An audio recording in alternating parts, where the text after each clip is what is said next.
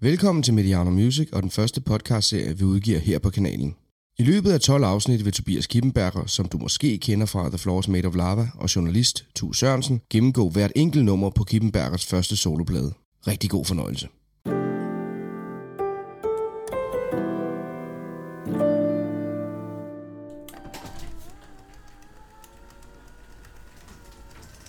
Mit navn er Tobias Kippenberger, og du lytter til podcasten Kron og Kirken og Garagen. I dette afsnit kommer du bag om albummet Kron og Kirken, og hvorfor Garagen er fået til titlen på den her podcast. Tobias, vi skal snakke lidt om øh, albummet, så lidt mere generelt. Nu har vi været igennem hver enkelt sang, tilblivelsen og inspirationen og alle mulige små anekdoter og historier omkring de enkelte numre. Hvis vi sådan skal prøve at samle lidt op på, på albummet, lad os starte med titlen Kron og Kirken. Hvorfor hedder den egentlig det? Det er ligesom en titel, der er opstået i bagklogskabens klare lys med, at der er en masse sange, der er blevet til, og så skal jeg jo finde ud af, hvad den røde tråd i det her til sidst. Og der stod det bare sådan ret klart, at øh, jeg til synligheden bokser rimelig meget med at finde ud af, øh, hvor meget øh, ansvar skal fylde, og hvor meget frihed skal fylde øh, inden i mig og omkring mig. Og det er kronen og kirken jo så hver sin sådan repræsentant for, øh, hver sin yderpol. Jeg tror, øh, jeg som de fleste andre mennesker tilbringer det meste af tiden med at prøve at lede efter lykken, eller at, at finde ud af, hvor man befinder sig bedst, hvor man, øh, hvor man pludselig finder harmoni. Og øh, jeg tror ikke på, at lykken kan være statisk. Det tror jeg ikke, jeg tror ikke, jeg eksisterer. Altså, så jeg kunne ikke, øh, altså, så jeg kunne ikke bare sætte mig ned på kron, og så er den lykke gjort. Øh, og heller ikke i kirken. Så, så det er ligesom, for mig er det det er noget med at, at fortsætte den der vandring frem og tilbage mellem de to øh, yderpunkter, og så indimellem er man heldig, at, øh, at man rammer et lykkeligt øjeblik. Men undervejs på den vandring der, der har jeg så slåsset med mig selv om at finde ud af, mm, hvad, hvad jeg skal gøre af mig selv på den rute der. det kan jo så gøres på mange måder, og den, den lille sådan, indre slåskamp, den kan jo komme til udtryk på mange forskellige måder hvor jeg så har forsøgt at indkapsle de, de 11 mest fremstående, eller de, de 11 øjeblikke, der på en eller anden måde har gjort størst indtryk på mig. Eller de 11 følelser, eller ja, det er sådan en samsurium med forskellige ting, ikke? 11 nedslag på ruten mellem kronen og kirken. Og har du så fundet ud af, hvor du skal gøre af dig selv? Nej, for det tror jeg aldrig, man gør jo. Altså, det kan jo lynhurtigt gå hen og blive en lille smule højpandet og, sådan, og lommefilosofisk, ikke? men det er jo noget med, at, at livet er en lang proces, og, og det er bevægelsen, der gør livet interessant og spændende, og gør, at man aldrig kommer til at sidde fast, og at man, øh, man altid udvikler sig som menneske, og at ens prioriteringer udvikler sig, og ens, øh, altså at man, hvis, hvis livet bare var sådan noget, man kunne sætte sig ned og nyde, så ville det jo være ekstremt kedeligt også.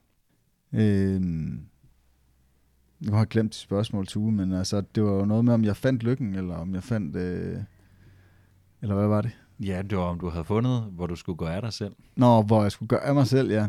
Jo, ja, ja, jo, det har jeg jo så i den forstand, at øh, jeg skal fortsætte min vandring. så at det er, øh, det er jo det er bevægelsen. Og det har, det har jeg egentlig altid troet på, og altid øh, følt. Og jeg, øh, jeg tror ikke, det er unikt for mig, men det kan godt være, at det ikke er alle mennesker nødvendigvis, der har det på den samme måde. Øh, men jeg kan huske, øh, i al den tid, jeg har beskæftiget mig med musik for eksempel, at blive stillet spørgsmålet, Nå, men hvad er målet så? Vil I spille i parken, eller skal I vinde nogle priser, eller hvad er det? Og for mig er det aldrig rigtig handlet om målsætningerne. Det har altid været et pisseirriterende spørgsmål at få det der, fordi at hvis vi kommer til at spille parken, så er det da sjovt. Og hvis vi kommer til at få nogle priser, så er det da også sjovt. Men det er, jeg bliver jo nødt til at finde en glæde i al den tid imellem at spille i parken og vinde en masse priser, fordi det er en aften i mit liv. Så hvis jeg baserer min lykke eller min målsætning på at ramme det, kommer jo virkelig til at skulle gå igennem øh, skærsilden i al tiden indimellem, ikke? Altså, så jeg bliver nødt til at finde glæden i processen, i stedet for selve målene. Nu er der så, siger du, øh, de her 11 nedslag, og et eller andet form for sammenhængskraft i dem, i hvert fald i de modpoler, du ligesom har, har bevæget dig imellem i, i forbindelse med at skrive den. Har det været vigtigt for dig også at prøve at skabe et sammenhængende værk? Nej, der tror jeg måske nærmere, det har været vigtigt for mig at fokusere mindre på at skabe et værk, end jeg har været vant til tidligere. I lavadagene var det i høj grad mig, der var meget fokuseret omkring, vi skaber et værk her, så, så det, der, skal ligesom, der skal være en klar øh, musikalsk rød tråd imellem alle sangene, og det må helst ikke stikke for meget i, i forskellige retninger, øh, til stor irritation for, for de andre bandmedlemmer. Så den her gang, der tror jeg, altså, eller der ved jeg, der var det vigtigt for mig selv, at, sige, altså, at jeg blev nødt til, jeg har været nødt til at, at være lidt opmærksom på nogle af mine negative tendenser eller negative præferencer for at kunne, jamen, altså for at kunne pille dem ud. Altså fordi, jeg tror ikke, at det har været en god ting, at jeg har tvunget de andre til at lave meget firkantede plader, hvis man skal sige det sådan. Nu sidder jeg med en plade her, med 11 sange på, og de er blevet til på vidt forskellige måder, og kan vidt forskellige ting. Men for mig, der lyder det 100% som om, at det er samme afsender, og det er samme værk. At det kan det sagtens være. Øh, jeg synes bare, der er kommet en meget større diversitet ind i pladen, og at den faktisk bare kan mange flere ting end... Øh, altså, jeg behøver ikke at have én stemning, for at jeg sætter den der plade på. Det kan være mange forskellige stemninger, jeg har. Hvordan er det egentlig at have lavet din første soloplade? Øhm, solo. Det er... Altså, vi kommer jo ikke udenom det jo. Nej, nej. Solo for mig her, i, altså... Jeg ved godt, der har været mange samarbejdspartnere inde over pladen og så videre, men det er dit ja. navn, der står på den. Det er dig, der afsender på den. Ja. Der står ikke et bandnavn. Der står dit navn. Ja. For mig betyder, for mig betyder det ikke den store forskel, fordi jeg tror, da jeg udgav musik med Lava, der følte jeg jo, at min identitet var en til en. The Floors Metal Lava. Så det, altså, så det var også mit navn, der stod på, når vi udgav noget. Øhm, så, så at gå fra at have et bandnavn, eller mit eget efternavn, fornavn, whatever, det gør ikke den store forskel for mig egentlig. Altså, øh, det, er mere, det har mere været en, øh, en arbejdsproces-ting, øh, det, jeg har kunne mærke forskellen på. Og at, at den har 100% skulle bæres i mål af mig selv. Der er ligesom, selvom jeg har samarbejdet med, med flere forskellige undervejs, så er der jo ingen, der har øh, været investeret på samme måde, som jeg har i at få det drevet frem. Og det har været en hel del mere ensomt, end jeg havde forestillet mig. Altså jeg kan egentlig godt lide at være alene, og jeg kan godt lide at øh, bruge tid øh, om natten, fordi at der får jeg en følelse af, at jeg er den eneste i hele verden. Men det er da også blevet klart for mig, hvor meget jeg så også har behov for at have nogen og spille mine bedrifter for dagen efter, jeg har siddet hele natten med noget. At der, det er så blevet, det er blevet ensomt dagen efter, ikke?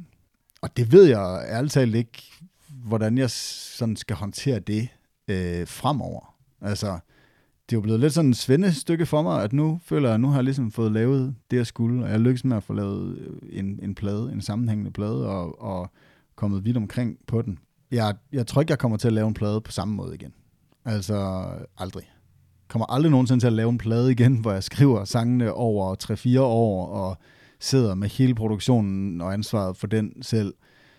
Det har været en, en læringsproces for mig, som jeg ikke har lyst til at, at gentage en, en gang til. Øh, næste gang jeg skal i gang med at lave noget musik, så skal jeg i hvert fald gøre det på en lidt anderledes måde, og måske på en lidt mere fokuseret måde, og prøve at koncentrere indsatsen en lille smule. Her til sidst, så skal vi lige lidt tilbage, tror jeg, til symbolikken. Ja. Fordi at øh, vi sidder i en øh, garage lige nu og optager det her, og øh, alle afsnittene i den her podcast er blevet øh, optaget i, øh, i en garage, i den garage her, som vi sidder i. Og det har du valgt, at ja. vi skulle. Hvorfor egentlig? Jamen, det er jo din garage, Tue. Ja. Vi, er, vi er. Jeg ved ikke, hvor relevant det er for nævnt, men jeg synes, at det er et meget sjovt uh, tilfælde i hvert fald. Øh, og du, du kontaktede mig og spurgte, om, om ikke vi skulle lave noget eller det her. Og øh, noget af det første, jeg bare tænkte på, det var, at hvis jeg skal finde et øh, centrum imellem kronen og kirken, så må det være garagen. Fordi det er sådan et sted, hvor man kan tage flugten fra ansvaret, uden helt at forlade matriklen. helt ærligt, jeg ved ikke, hvor mange kvinder, der gør det. Jeg ved bare, at der er mange mænd, der gør det. At de indretter sin garage til, at det kan være lidt sådan en hule, man kan fortrække sig til.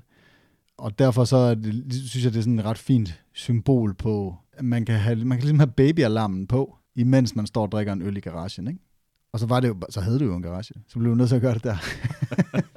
Så fik I også forklaring på, hvorfor podcasten den hedder Kron og Kirken og Garagen. Tobias, det var det. Det var spændende at komme ind i uh, maskinrummet, både af din uh, sangskrivning og også uh, hele produktionsprocessen. Også tak for godt selskab. ja, selv tak, og i lige måde. Og dit debutalbum, Kron og Kirken, er ude. Det er både digitalt, men også på vinyl. Yes.